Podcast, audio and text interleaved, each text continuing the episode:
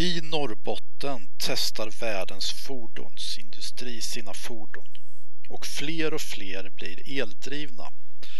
Många nya elmodeller med framtidens teknik ska vintertestas och det är bara åtta vintrar kvar till 2030.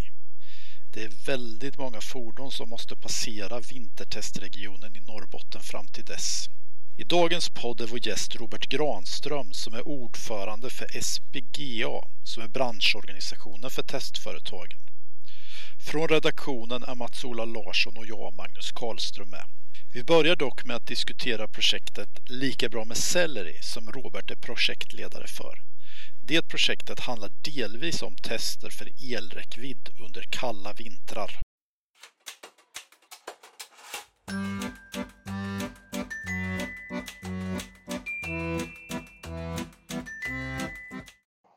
Selleriprojektet Lika bra med selleri som det då egentligen heter, det är ju finansierat av EUs regionala fond.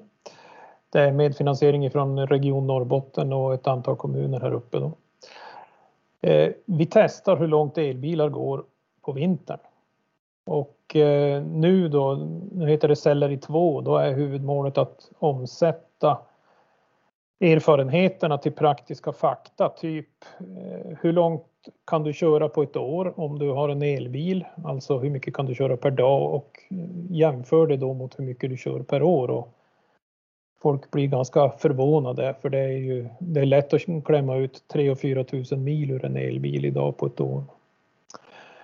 Eh, vi försöker peka ut vilka fossila bilar som eh, deltagande kommuner skulle kunna ersätta och vi försöker också visa på hur man kan spara på skattebetalarnas pengar då, genom att välja en elbil istället för en fossilbil. Så, framförallt så kommunicerar vi ganska mycket om, om eh, att kör du långt per år så eh, är det mycket mer lönsamt för dig också. Testet vi gör Eh, det är ett väldigt förenklat test. Vi fryser ner bilen till minus 20 grader.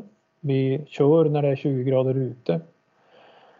Vi ser till då att ha uppvärmningsförlopp, fartvind och räckviddsförlust med.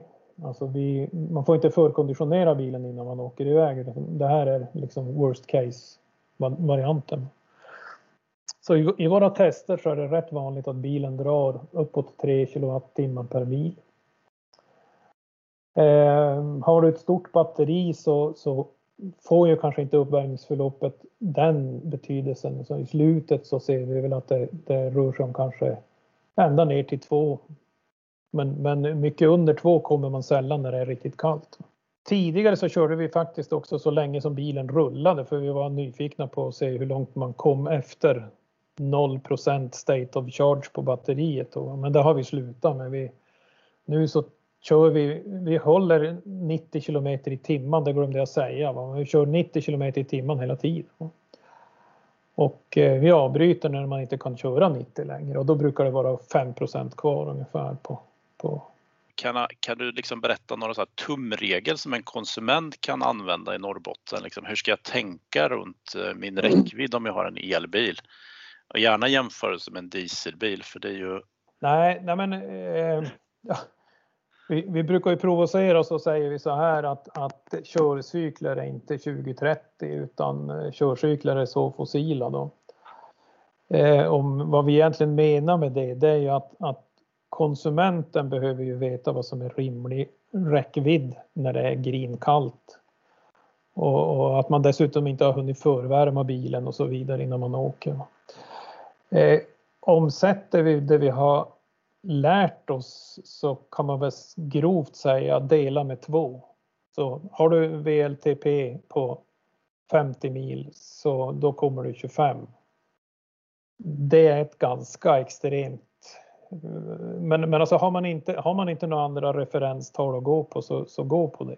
Dela med två. Sen är det väl så om man, om man liksom ska ge något råd till konsument och, och sådär. Eh, så en variant det är att säga att man tar ett applikationsorienterat perspektiv på det här och så säger man att eh, en, en, en laddhybrid passar för enbilsfamiljer och kanske i städer framför allt. Va? Rena elbilar passar på landsbygden och tvåbilsfamiljer med villa. Eh, har du bostadsrätt och, och någon tjurig BRF-gubbe som sitter med i föreningen och, och, och, inte tycker att kollektivet ska ta kostnaden för laddinfrastruktur och sånt där så köp en diesel och vänta brukar jag säga. Sen, sen finns det ju några enkla tumregler att, att värmer du bilen innan du åker eller har bilen ståendes i garaget innan du åker så vinner du ju en 2-3 mil. Eh, är det 10-15 grader kallare så får du räkna bort uppåt 2 mil.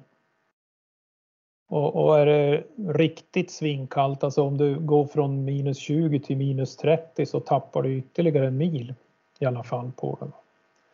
Framförallt om du ska värma upp bilen från start. Va? Kunde gå över till nästa fråga lite om, du har ju, det har ju jag kan, lite... Jag på, jag hade, ja, kör en till då, absolut. Ja, jag hade, jag hade faktiskt en grej till och det är ju det, är ju det här med tvåbilsfamiljerna. Det är ju de som borde känna ansvar och, och ta liksom steget nu och, och byta. Och det, det, intressanta med det, det är ju att du, du, kan ju köra lite bilpool light med dig själv. Va? Du har två bilar på gården och du kommer att bli förvånad över hur ofta fossilbilen, bilen nummer två, då, kommer, att, kommer att bli ståendes. Och det, det är helt, helt enkelt en, en, en eh, no-brainer på något vis för, för, för de som, som har två bilar. Mm, så flerbilsfamiljer tar ett ansvar helt enkelt. Ja, precis. Jag tänkte vi skulle hoppa över till något som är, hör ihop lite med det. Du har ju arrangerat dig i vinterelbilsrallyt i Norrbotten flera år. Var, varför har du gjort det och vad har ni lärt er när ni har kört det? Ja, ja varför kan man fundera på. Men egentligen är det väl så här att det, det började ju med, med någon sån här miljövecka i 2016 där vi diskuterade man borde man inte visa upp bilarna och borde man inte göra ett rally för att visa upp bilarna och så där. Och så sen eh, har det här då under resans gång och inom ramen för Selleri-projektet så har det utvecklats till någonting som vi nu kallar för E-Grand Prix Nordic. eh, och egentligen är det väl det är så mycket mer än ett rally. Det är ju liksom ett kombinerat rally, mätdataprojekt och elbilsseminarium. Då. Och faktiskt så eh, nästa år blir det väl någon slags grand final åtminstone med tanke på, på vad vi har för finansiering för att göra det där. Rally nummer sex i ordningen. Och eh, om, man, om man eh, då pratar mer om vad det har gett för resultat. Alltså, det viktigaste det är väl att vi har fått en referensdata till våra tester som vi gör inne på en biltestanläggning. Eh, när vi gör testerna så kör vi på en rundcirkel. Vi har ingen höjdskillnad. Nu så har vi gjort eh, olika rallysträckor. Bland annat har vi kört från Luleå upp till Jokkmokk. Det är två timmars bilkörning. Eh, och där ser vi ju att, att höjdskillnaden har ju en, en, ganska stor betydelse så att man måste ta höjd för det. En annan sak som, som blir väldigt tydlig förutom att, att vi ser att vårat test inne på anläggningen är, är ganska extremt, det är ju att fartvinden påverkar och framförallt på suvar då. Och, och det, är, det, är, alldeles påtagligt. Man behöver inte anstränga sig för att hitta suvarna i, i sammanställningen när man sätter staplar. Va? Alla de bilarna som har stor frontare och kanske lite sämre CV-värde också, de, de, eh, de straffas ju ganska mycket när man ligger på landsväg. Om man, om man eh, kör enligt någon eh, ja, körcykel med lägre snitthastigheter och sånt där så, så, faller ju inte det ut på samma sätt för det är så liten procentuell andel som är, är hög fart. Snittfarten på våra rallyövningar ligger ju någonstans mellan 70 och 80 kilometer i timmen om man kör lagligt. Men Robert, jag väl, trodde också att huvudmålgruppen är väl lite bilhandlaren då som ska vara med på den här rallyt också, eller har det varit olika olika år? Ja, just det. Jo, nej, men det, det var bra. Alltså, eh, huvudmålgruppen är ju egentligen offentliga aktörer som, som eh, behöver sätta sig in i, fungerar de här bilarna i, i, i våran offentliga verksamhet, hemtjänsten eller som snickarbil eller vad det då kan vara för någonting. Men sen är det ju så att hade det inte varit för att vi har fått ett bra samarbete igång med, med bilhandlarna, då hade vi aldrig kunnat genomföra det här testet. Det är ju, vi har fått låna bilar av dem för att testa inne på anläggningarna. Vi har fått dem att ställa upp och, och vara med i rallyt. Eh, ja, överlag så, så, så, känns det som att det har, det har gett ganska mycket i båda riktningarna. Va? Det, det är lite kul kuriosa. Svensk statistik säger ju att vi har 10% elbilsförsäljning av nyregistrerade bilar. Totalt med laddhybrider inkluderat har vi väl 30 Men, men eh, en av de första bilhandlarna att hoppa på celler i projektet och delta i rallyt och så vidare. Han, han har 45 procents försäljning av rena elbilar idag. Eh, jag tyckte det blev lite eh, oklart det här med eh, förbrukning i verklig vinterklimat. Så pratade du mycket om elbilar men det är ju rätt, jag antar att även dieselbil eller bensinbilsägaren upplever att det är, rätt, det är allt större skillnader mellan bränsleförbrukning i verklig drift ju, ju kallare det blir. Är det så eller har ni några erfarenheter av det också? Ja, vi, vi har ju gjort lite olika typer av tester. En, ett test som är ganska intressant det var ju att eh, det, det, det är ju lätt så när man sitter på en provbana eller någon annanstans och diskuterar så sitter det någon och säger ja men du vet dieseln min.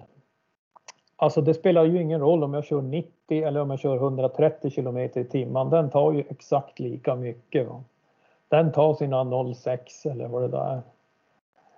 Eh, men jag tror att väldigt många gånger så, så eh, bommar man att, att du har en jättestor tank och, och dina sådana här extremare körningar de, de, eh, de drunknar i mängden på något vis.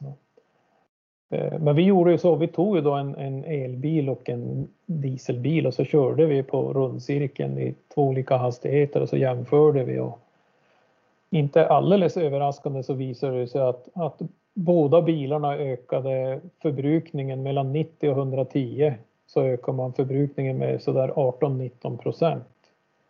Det var faktiskt så att, att elbilen var kanske en halv procent bättre men, men eh, det är ju inom felmarginaler. Eh, sen så, så sammanställde vi det där då med, med pris per mil. Eh, och då kom vi ju fram till rekommendationen att notoriska fortkörare bör ju helst välja elbil för då kostar det bara 33 öre mer per mil att köra 110 istället för 90 medan om du tar en diesel så kostar det 1,45. Ehm, så där, där, där finns det väl lite, lite sakkunskap. Sen kan man väl säga rent generellt att, att det går ju mer el när du ska kallstarta en, en eh, elbil. Va? Eh, men det lovar jag, det gör du också när du kallstartar en diesel.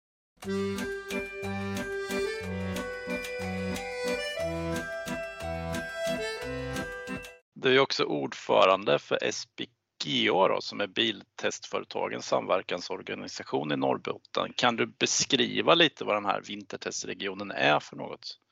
Alltså den har ju, den har ju rötterna från 70-talet och, och, eh, ett företag som idag heter Icemakers som eh, började att, att eh, ja, iordningställa det som egentligen var en, en landningsbana för, för vinterflyg då, på en sjöis.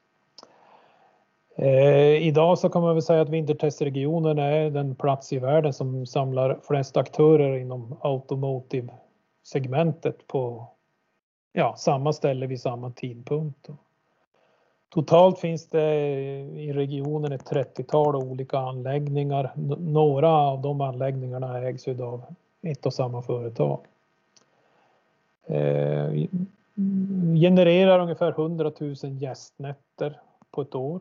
Eh, ungefär 4 000 testfordon kommer upp varje säsong. Eh, enskilda anläggningar kan faktiskt ha hundratals bilar på plats samtidigt. Så de flesta bilarna av de där 4000 de kommer upp under högsäsong också. Så att det, det är ganska rejäl puckel med bilar som, som, som dyker upp. En, en eh, ledigt en fördubbling av antalet bilar i Arjeplog kan vi säga. Det är väl det. Är väl det. Alltså, det är ju Arjeplog, Arvidsjaur, Älvsbyn, Jokkmokk som är epicentrum på något vis och sen så, så är det norra Västerbotten och norra Norrbotten finns också med på kartan. Vad är det egentligen man testar? Vad är det för typ av typiska tester man gör? Vilka tester som förekommer går ganska bra att säga. Vilka tester som är vanligast är jättesvårt att säga någonting om. Men om man skulle ge sig på gissning så är väl hemliga, test av hemliga prototyper, det är väl lite av ett huvudnummer. Och, och eh, därför finns det också många avlysta inhägnade anläggningar. Eh, sen pågår ju en massa system och komponenttester och då är det ju ja, mulor som man kallar det för. Man, man, man eh, stoppar in ny teknik i en eh, fjolårsmodell det är ny drivlina eller det är nytt klimatsystem eller vad det kan vara för något. Sen är det ju flera kunder som även genomför det man kallar för milinsamling, alltså man tar en, en eh, nollseriebil som är byggd färdig på löpande bandet och så tar man av den och så kör man den i tusentals mil eh, och ofta så är det kampanjer med flera bilar samtidigt så att man kan prestera fem 6, 7, 8 tusen mil på ett dygn i, i det här provuppdraget. Och det, det, det låter obegripligt att man ska kunna köra så mycket på ett dygn. Men det är klart att om man, om man kör tre skift och så sen så har man en 60-70 bilar och varje skift är 50 mil så då blir det mycket mil. Mm. Men det kör man utanför de inhägnade områdena va? Utanför ja. Så man kör på vanliga vägar kan man säga? Ja. Mm. Ja, det vi kallar vanliga vägar.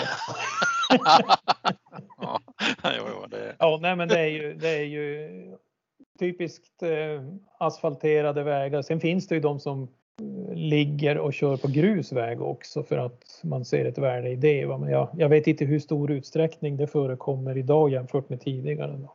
Om man då funderar lite på omvärldsbevakningen, vad som håller på att hända då? Det, automotive håller på att förändras väldigt mycket i alla möjliga dimensioner och då borde ju det även påverka vintertestningen. Så, så vad är det för trender som är på gång inom vintertestning? Eh, ja, alltså, elektrifiering är ju en uppenbar trend naturligtvis. Och, och eh, vi tror ju också att elektrifiering kommer att inkludera bränsleceller och hydrogen. Va? Mm, man kan väl säga så här, jag nämnde ju tidigare om det här med, med landplatser. Eh, så länge man testar handbyggda prototyper i få styck inne på en anläggning så är det ju logiskt att man bygger laddinfrastrukturen där. Men ligger man och kör 8000 mil per dygn åt en kund så går det ju mer än 20, 20 000 kilowattimmar som ska levereras ut. Va? Börjar man då liksom dela upp det så, så ja, om man säger en, en, det är lite svårt att få fram den statistiken i Sverige. Va? Men, men eh, Stockholms stad har ju lite statistik som visar på att en, en snabbladdare ligger någonstans kring 200 kilowattimmar per dygn. Och det innebär att bara för det testbehovet som jag nämnde nu för en enda kunds räkning så skulle det egentligen behövas 100 snabbladdare då för att kunna Mm. försörja de här bilarna ute på väg. Då. Eh, men nu får man väl anta att det blir högre laddfrekvens än inne i Stockholm. Så säg att det är 1000 kilowattimmar per dygn då. Så ja, då är du uppe i 20-25 laddare eller någonting sånt där som du behöver för att kunna ta det provuppdraget. Då. Så det är ju en, en eh, intressant aspekt Eh, sen är det väl så att, ja vem ska bygga det? Hittills så eh, har det väl varit lite grann en trend att kommuner kanske har tagit ett steg och, och, och liksom velat pusha på det här. Men, men eh, Arjeplog, eh, Arjeplogs kommun är ingen stormrik kommun eh, och de tycker att vi har väl aldrig byggt bensinmackar. Så, så eh, just nu är det väl ett sånt där hönan ägget läge. Hur, hur, hur kommer man ur den här äh, situationen där, där det finns för liten marknad för att man ska vilja satsa på snabbladdning. Och vita vägar-utlysningen kanske löser det, men det kommer inte att lösa det på det sättet som behövs för att det ska gagna biltestbranschen då, eftersom de sätter upp en och en laddare med 10 mils lucka.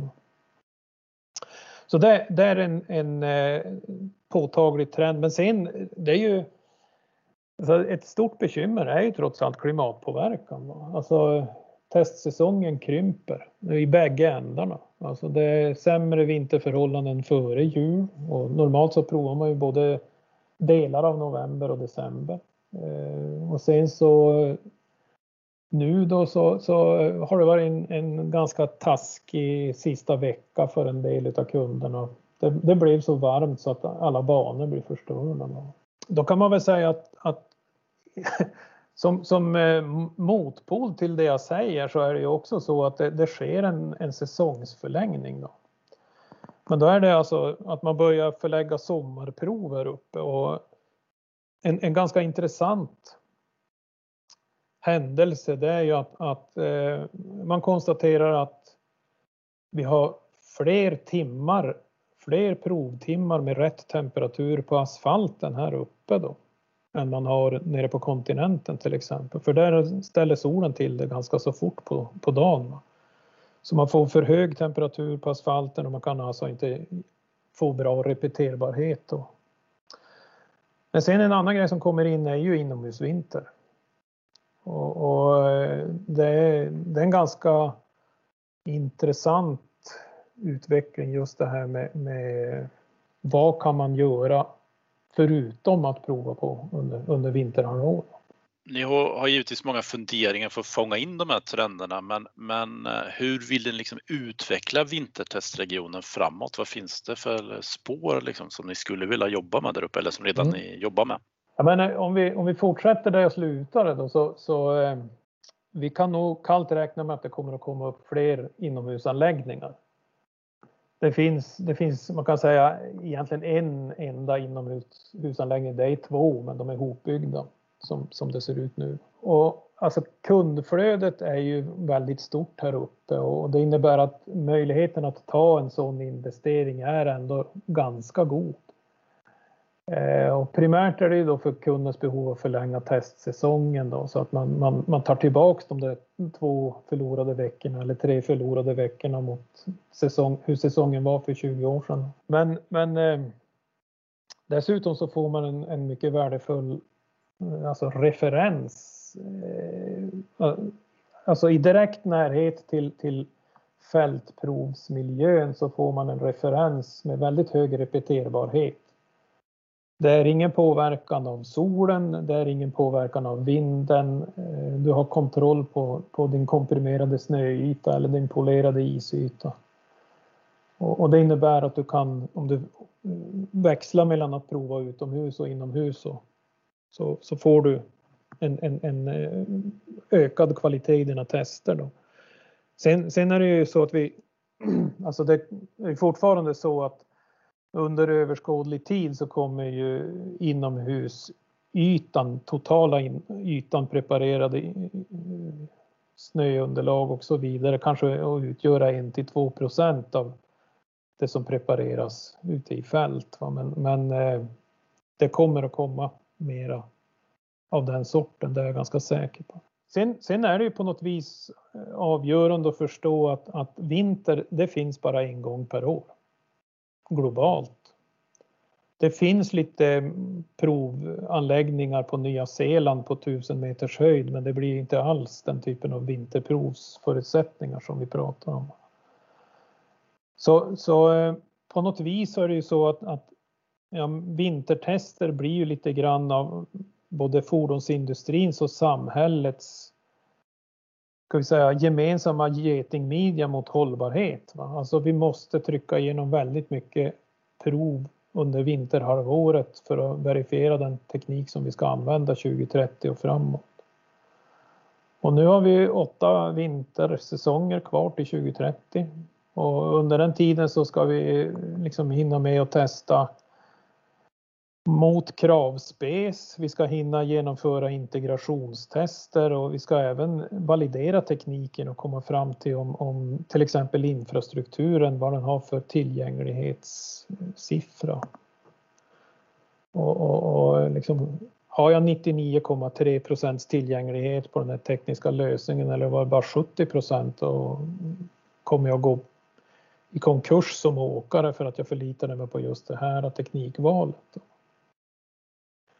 Så, så eh, vi tycker ju att, att eh, man, man eh, har god anledning att ta det här, inte ur ett vintertestregionsperspektiv eller ur ett nationellt perspektiv utan ur ett europeiskt perspektiv. Alltså hur stärker vi den europeiska fordonsindustrin genom att satsa mer på vintertesterna? Har ni haft någon dialog med, på europeisk nivå då, just om detta? För det känns ju väldigt rimligt, alltså att om alla de här elbilarna och ellastbilarna ska komma ut till 2030 så måste de ju nästan ha varit hos er.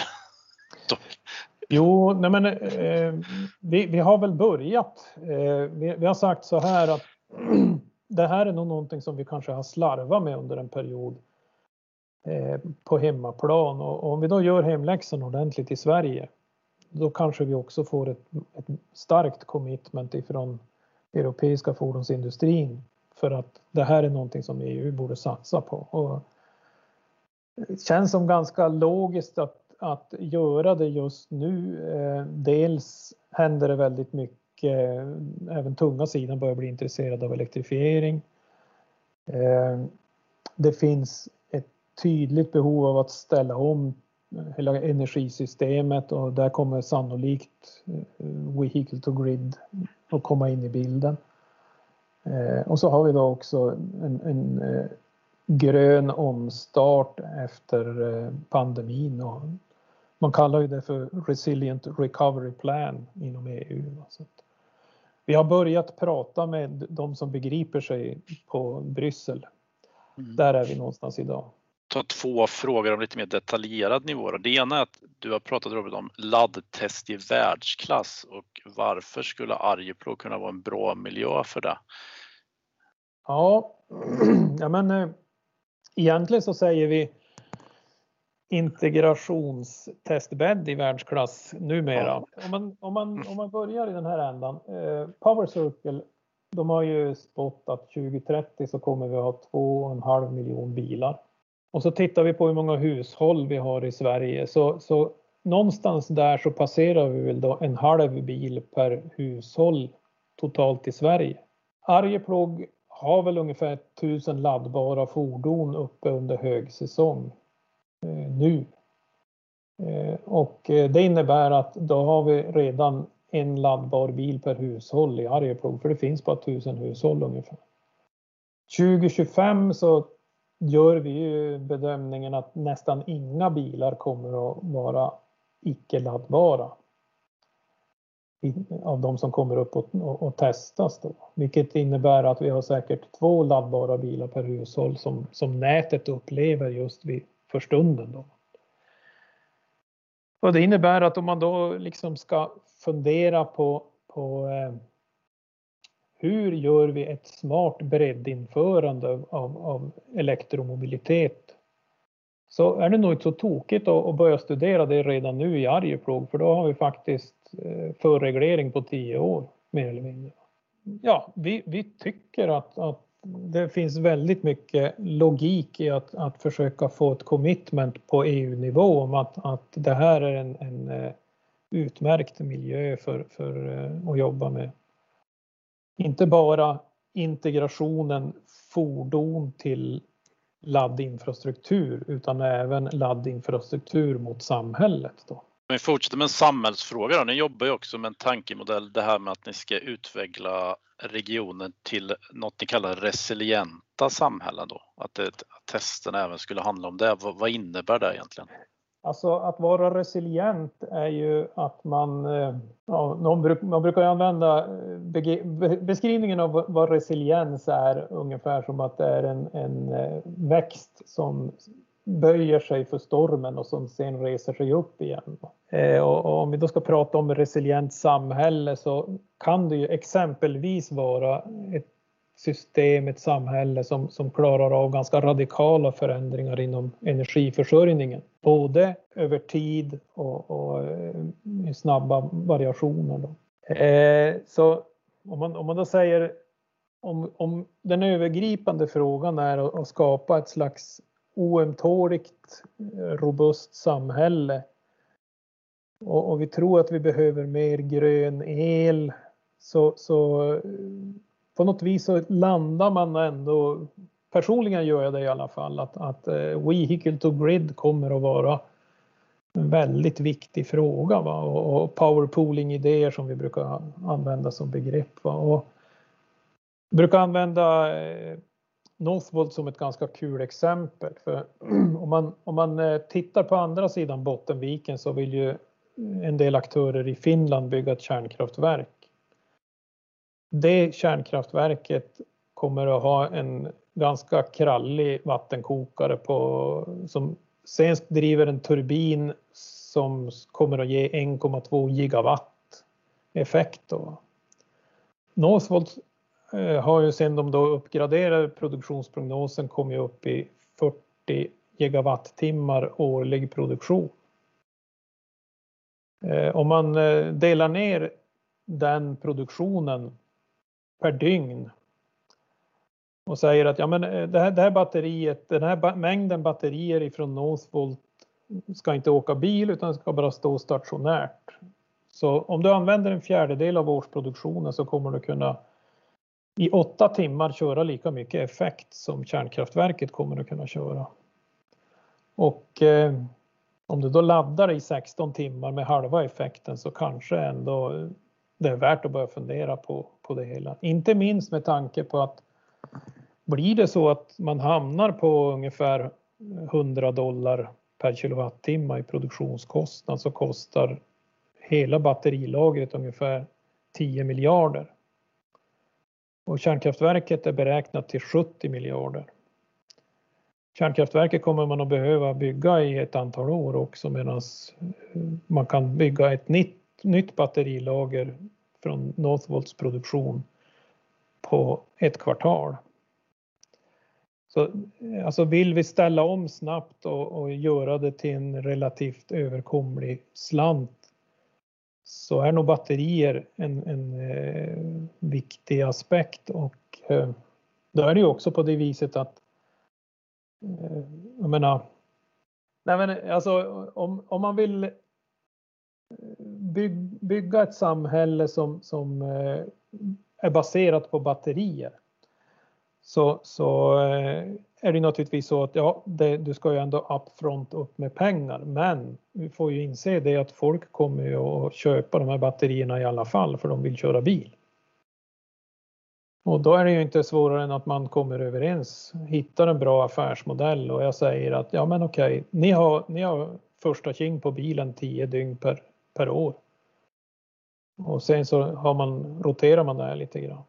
Men kan man tolka det lite som att ni vill testa veto to grid-lösningar helt enkelt i vintertestregionen? Ja. Att den typen av, alltså mer kopplingen mellan elnätet och fordonen, det kanske ni inte traditionellt sett har gjort så mycket? Nej, nej alltså, absolut. Det, vi tycker ju att, att eh, fler aktörer borde dra nytta av kundflödet i regionen och bland, beblanda sig helt enkelt utnyttja det här både som, som testarena och skyltfönster och allt möjligt.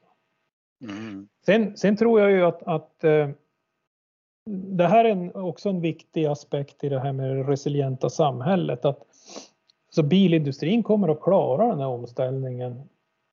Eh, alltså fram till 2030 så tror jag att vi har väldigt mycket på plats. Och, och man kommer att klara det betydligt fortare än byggsektorn. Och, och eh, Anledningen till att jag säger så det är att det är väldigt många som glömmer bort att, att byggsektorn släpper ut lika mycket CO2 kommer ut ur avgasrören på, på våra, eh, alltså både på personbilarna och på tunga sidan tillsammans. Och, och eh, CO2-utsläppen ifrån från cement är ett eh, jättestort bekymmer globalt. Och, och, det vore ju jätteintressant om vi kunde liksom även involvera byggbranschen i att, att liksom dra nytta av kundflödet som finns i regionen, exponera sina nya tankar och idéer. Eh, det kommer att fortsätt, fortsättningsvis att behövas hotellnätter. Varför inte bygga världens grönaste hotell i Arjeplog till exempel? Och, och eh, gör vi det här på ett bra sätt kanske vi skapar ett mycket tajtare partnerskap inom EU och, och slipper vi kanske prata om urbanskam om tio år. Jag, eh, det finns två teknikfrågor också som jag skulle vilja lägga till. Teknikfrågor, applikationsfrågor kanske. Det ena är eh, tunga fordon och, och, testbehov. Om du kan säga några ord om det finns några specifika frågor runt om? Jo, men det, det gör det ju. Alltså, om vi börjar i det enkla faktumet att vi, vi kommer inte att kunna ersätta diesel med en enda lösning och vi kommer inte att kunna ersätta bensin heller med en enda lösning. Och när, när tunga sidan ska ställa om så, så då, då får vi nog räkna med att det blir ett applikations, applikationsorienterat scenario. Alltså det, det, blir olika lösningar för industriskyttlar, för citydistribution, för long eh, det blir eh, olika lösningar för bussar på lång och kort distans. Eh, sopbilarna kanske kommer att ha ytterligare en lösning och så vidare. Va? Eh, och vi kommer att behöva testa ganska många saker. Alltså vi, laddning av snabbare kemier och större batterier, det, är ju liksom, det kommer ju att komma direkt. Men, men, men eh, det kommer att bli induktiv laddning. Det kommer att bli någon form av automatiserad laddning. Det kommer att bli laddning under färd. Vi kommer att ha dubbelriktad energiöverföring, det här med vehicle to grid. Då. Eh, vi kommer att ha olika smarta nätlösningar med, med liksom digitala backend-stöd och allt möjligt. Och inte minst så kommer vi att få hybridlösningar mellan alltihop det här kombinerat med bränslecellsteknik. Då. Så den som säger att ja, men vi är färdiga med standardiseringen kan ju hälsa hem skulle jag vilja säga. Och, och sen så är det ju så att, att när den tunga sidan har jobbat med alla de här frågorna så om inte det smittar av sig på personbilssidan så vet jag inte. Det är klart att det kommer att göra det. Va? Och, och då måste vi inse en annan sak. Det här med åtta vintrar kvar till 2030 det är, ju, det är ju inte så att man bara har beslutat sig för att 2030 är jämnt och bra, va? utan det finns ju ganska mycket som visar på att om vi inte sköter oss nu så kan hela klimatet tilta och så hamnar vi i en evig värme istället och så dör stora delar av det vi har liksom lärt känna som natur dör ut. Va? Och, och eh, därför så bör vi försöka hålla oss inom de här 1,5 till 2 graderna. Och då kan vi inte testa seriellt. Vi kan inte liksom, först provar vi induktiv laddning och sen provar vi automatiserat och sen provar vi vehicle to grid. Utan vi måste göra allt samtidigt nu för vi har så få år kvar på oss. Så eh, ja, det är väl alltså. Det är jätteintressant att tunga fordon kommer in för nu blir det lite det går inte att tänka annat än att nu måste vi skapa verkstad.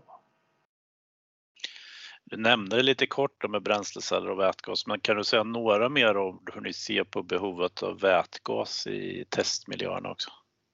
Mm. Ja, men eh,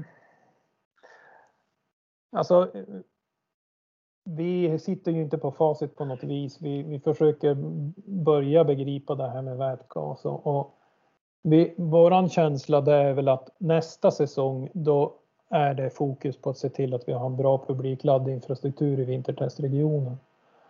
Eh, men eh, sen säsongen därefter, om vi inte har vätgas eh, på ett antal olika ställen och, och liksom kan, kan försörja både tunga och lätta sidan med vätgas så, så då, kommer vi ha, då kommer vi ha problem. Då har vi alltså sannolikt så, så styr vi om kundflödet.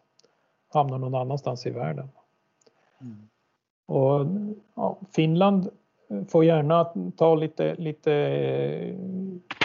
av flödet. Det, det, vi har, det är inte så att vi är starka antagonister men, men naturligtvis så vill vi ha så mycket som möjligt som, som stannar kvar här. Va? Eh, vi är väl kanske dubbelt så stora i Sverige jämfört med i Finland idag. Sen så är det ju då eh, Ja, det, det, pågår ju provning i norra Kina upp mot Mongoliet till där eh, Hokkaido, ön norr om Japan, det är Nordamerika naturligtvis och Kanada. Så, så och Ryssland är inte osannolikt att det blir mer. Idag så är väl Ryssland kanske lite svårt. Mm. Du har ju pratat, eh, som jag uppfattar det, mest om fordonsaktörer. Eh, men nu på slutet var vi ju inne på eh, drivmedel och du har tidigare pratat om laddinfraaktörerna. Mm. Är inte de intresserade av att vara med och testa på motsvarande sätt? Det har låtit lite grann som att infrastrukturen är en fråga som växer på normalt sätt men är inte de engagerade också i att bygga test så att säga? Ja, en, en utmärkt fråga. Eh, alltså, energibranschen är ju den är ju som lite fragmenterad på något vis och, och, och ladd, laddinfrastrukturbranschen har ju verkligen gått och blivit fragmenterad. Min bild är att när man pratar med vissa aktörer inom energisektorn så är de jättemedvetna om att det här är ett problem. Men, men eh, de som frontar energisektorn, de ser inte de här problemen utan de, de tycker att ja men vi har ju en standard, nu kör vi. Håll inte på att krångla till det. Vi, vi ska ju se till att det blir business av det här. Det är, den, det är den förenklade bilden och vi tänker inte ge oss. Vi tänker fortsätta att jobba på, på spåret att, att eh, vi behöver nog bygga ganska mycket strukturellt kunskap i samhället för att klara den här omställningen fram till 2030. Då. Får vi se om vi lyckas. Vi behöver säkert väldigt mycket hjälp och draghjälp från olika håll och kanter. Och eh, alla möjliga goda idéer kommer nog förmodligen att behövas här. Ja, men det är mycket bra avslut tycker jag på den här diskussionen. Tack så mycket Robert för att du ställde upp. Ja men eh, tack själv. Jag eh, känner att det finns tusen saker till som man hade kunnat säga. ja, du, om du vill säga en till då, vad vill du slå till med då? Eh, om, man, om man skulle välja ut någonting som jag tycker är, är eh, extra intressant i det här så är det ju att, att eh, vi, vi pratar ju om förarlösa fordon också och eh, apropå vad händer i omvärlden och så där så tror jag, där, där genar jag förbi mitt eget huvud lite grann. Eh, jag, jag, tror ju det är så här att vi, vi har ett nordiskt perspektiv som, som vi borde vårda. Det, det är sannolikt så att, att bygger vi kompetens när det gäller hur vi ska hantera förarlösa fordon på, under vinterhalvåret så, så kan det vara oerhört viktigt inte bara för, för den svenska fordonsindustrin och för den svenska ITS-industrin, alltså intelligenta transportsystem och sånt. Utan jättevärdefullt för samhället också. Och, och det är av den anledningen att en transportkilometer är ungefär en tredjedel förarkostnad. Och tar vi bort föraren på alla ställen utom i de regionerna i världen där det är snö, då blir ju ett avlångt land som Sverige ännu mer avlångt. Va? Och vi hamnar ännu längre bort ifrån marknaden rent ekonomiskt. Så, så eh, vi borde ju verkligen satsa på att, att jobba med att utveckla och utprova teknik för, för förarlösa fordon i vintermiljö. Då. Mm.